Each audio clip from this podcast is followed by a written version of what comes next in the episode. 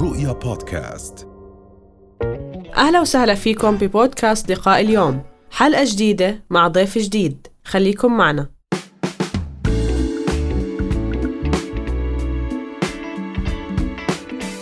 بداية أستاذ بنحب نعرف شو الفرق بين الكمبيا- الكمبيالة والشك قانونيا؟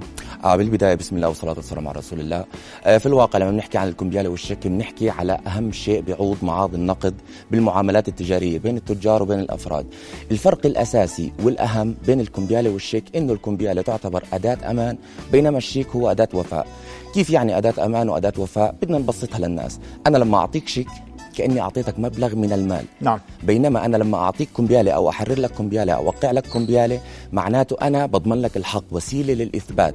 فهذا الفرق الأساسي اللي هو يعني نيجي بنتعامل فيه آه، الكمبياله للمعاملات الآجلة. بينما الشيك للدفع ادفعوا لأمر. نعم. فأنا لما أعطيك شيك خلص أعطيتك مصاري. بينما لما أعطيك كمبياله وسيلة بدك صرف ترجع عشان. تطالبها فيه. بالضبط نعم. نعم. طيب إذا نحكي عن البيانات الإلزامية اللي المفروض تكون على الكمبيالة وعلى الشيك أيضا. آه في الواقع الشيك آه هو ورقة صادرة عن بنك شرط أساسي تكون صادرة عن البنك اللي هو المسحوب عليه باسم الساحب اللي هو صاحب الحساب تمام؟ آه لشخص يسمى المستفيد.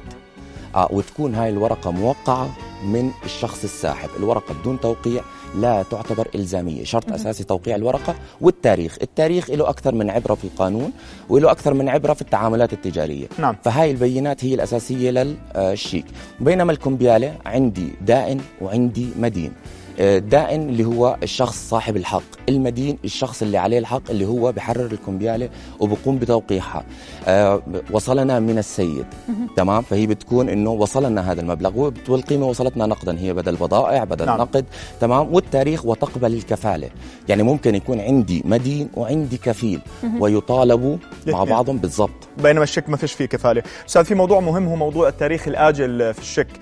معظم الناس آه، ما بيعرفوا بجوز يعني إنه فكرة أو الناس ما بتتعامل بجوز بالشيكات إنه ما فيش شيء اسمه آجل في الشك. يعني إذا أنا أعطيتك شك وكاتبه بعد سنة وأنت رحت صرفته وكان في آه، مصاري في الحساب أنت بتصرفه والبنك بده يصرف لك إياه في نفس الثانية. فهي فكرة إنه أنا أعطيك شيك بعد أسبوع أو أسبوعين هي بتكون بس اتفاق شخصي خليني أحكي لك أو مبدئي بين الأشخاص إنه ما تصرفوا إلا بعد أسبوعين وهي تاريخه بعد أسبوعين ولكن أنت بتقدر تصرفه. هو من آه، من حيث إنه كورقة الشيك هي أداة وفاء أنا بمجرد عرضها على البنك البنك ملزم بصرفها. نعم. لكن العرف التجاري والمعاملات التجارية أصبحت إنه أنا ب- يعني ممكن أتعامل فيه بتاريخ معين لكن غير إلزامي. نعم. إلا إذا ورق ورد على ورقة الشيك لا يصرف إلا بتاريخه. في الحالة هاي البنك بيعتذر منك وبيحكي لك ارجع لي بتاريخ صرف الشيك. مم. نعم. طيب ذكرت موضوع مهم بأنه لازم من البيانات اللي تكون موجودة على الشيك هو ال- التاريخ وفي له أسباب. ليه لازم يكون موجود التاريخ؟ يعني مش تاريخ الصرف تاريخ تحرير الشك لا تاريخ تحرير الشيك لا مش. موجود. ب- تاريخ ولا- الصرف فقط بس تاريخ. الصرف. طيب على بالضبط. الكمبيالة. على الكمبيالة تاريخ التحرير موجود وتاريخ الصرف موجود. ومن خلاله بيتم البحث بالضبط. بأنه هاي. آه وهاي التواريخ مهمة آه لمواضيع يعني مهمة جدا في القضاء اللي هو التقادم.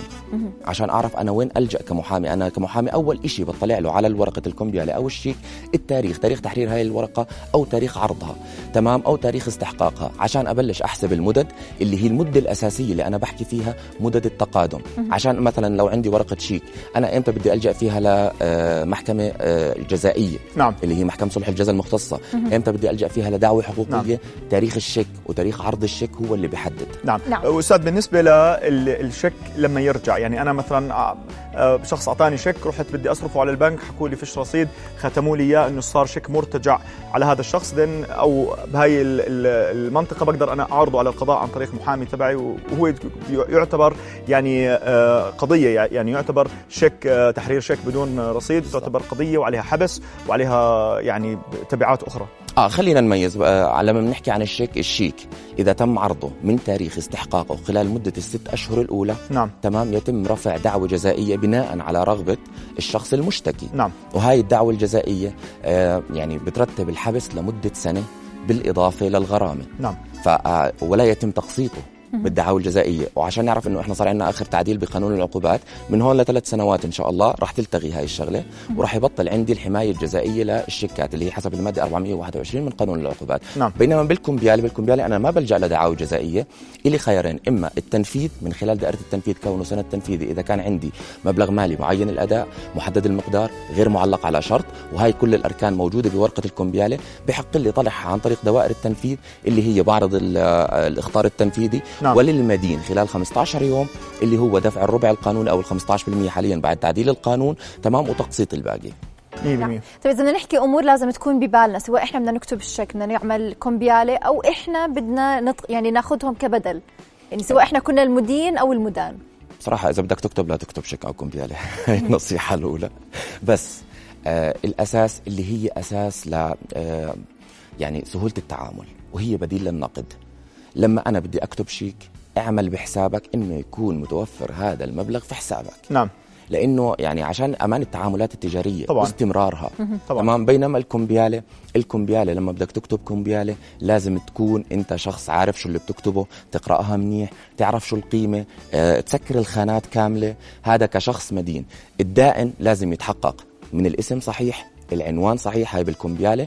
تمام؟ يتحقق من التاريخ ويتحقق من التوقيع. يتم التوقيع أمامي شرط أساسي. نعم. لأنه آه، الوسيلة الوحيدة لتفادي العقوبات أو آه، للتملص من القضايا اللي هي إنكار التوقيع نعم فإذا أنت ما شفت التوقيع أمامك ما راح يكون عندك هاي ال- الثقة بالنفس نعم. لما تروح ترفع قضية حتى نعم. أستاذ إنكار التوقيع ما هي بتكون جزء من- يعني من القضية بتجيبوا خبير آه، طبعاً، خطوط طبعاً، طبعاً. وبعدين المحكمة بتقرر فعلا إذا أنت كان هذا توقيعك توقيعك ولا لا وإذا في شهود وفي بينات أخرى وفي كل الأحوال يعني بالآخر يعني إذا واحد كاتب شك يعني رح ين- رح ينزل عليه يعني في في طبعاً. الآخر المحكمة رح تقدر رح تقدر تثبت غير التبعات ال- المالية خليني أحكي أستاذ أو اللي لها علاقة بسمعه الشخص أو وجوده على القائمه السوداء يعني لما شك يرجع بالضبط. بالنسبة له ما يعمل تسوية خلال 15 يوم فبصير black list في البنك list في وهذا. الشيء فيه له تبعات بالضبط. أخرى ما بيعطوه دفتر شيكات بعدين ومعاملاته المالية بتوقف وغير يعني سمعته المالية هلا أنت لما بتيجي بدك تكتب شيك وأنا تاجر أنا ممكن يكون عندي 100 200 شيك نعم. أنا الشيك صار وسيلة لديمومة معاملاتي التجارية نعم. إذا أنا رجع لي شيك أنا عم بتضرر ما عماني بقدر آخذ شيك ثاني معناته ما راح أقدر أمشي آه، معاملاتي التجارية لأنه الناس أغلب التجار حاليا ما راح تتعامل معك بموجب كومبياله نعم. راح تتعامل معك بموجب شيكات لأنه هذا الشيك آه، زي ما بيحكوا إنه بتضلها تلف. صح. الشيك يقبل التجيير نعم. أنا بعطيه لفلان وهذا بعطيه لفلان وهذا بعطيه لفلان. إذا الشخص اللي كتب الشيك ما عنده حساب ضرب يعني مش تاجر نعم. 10 15 تاجر. نعم. هدول عليهم رواتب لموظفينهم. كيف بدي أنا بدي أعمل آه، أمان في المعاملات التجارية؟ آه هذا الموضوع تبع البنوك. أنا لما بدي أحرم شخص من إنه يطلب شيك بعديها هذا حق. طبعا. لأنه أنا بحافظ على المعاملات التجارية. لما بدك تكتب شيك أنت كأنك أعطيت نقد. نعم. نعم. نعم إذا شكرا لوجودك معنا الأستاذ أحمد قطيشات. أهلا وسهلا بحضرتك. أهلا وسهلا فيك. شرفتنا أهلا أستاذ فيكم. شكرا لكم. رؤيا بودكاست.